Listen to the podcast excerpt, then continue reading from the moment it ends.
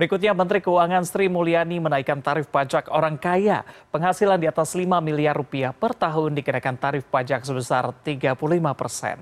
Hal ini tertuang dalam Undang-Undang Nomor 7 Tahun 2021 tentang harmonisasi peraturan perpajakan.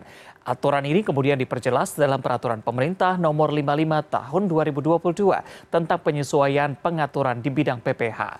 Menteri Keuangan Sri Mulyani menjelaskan orang kaya dengan penghasilan di atas 5 miliar per tahun bisa membayar pajak sebesar 1,75 miliar per tahun atau 145,83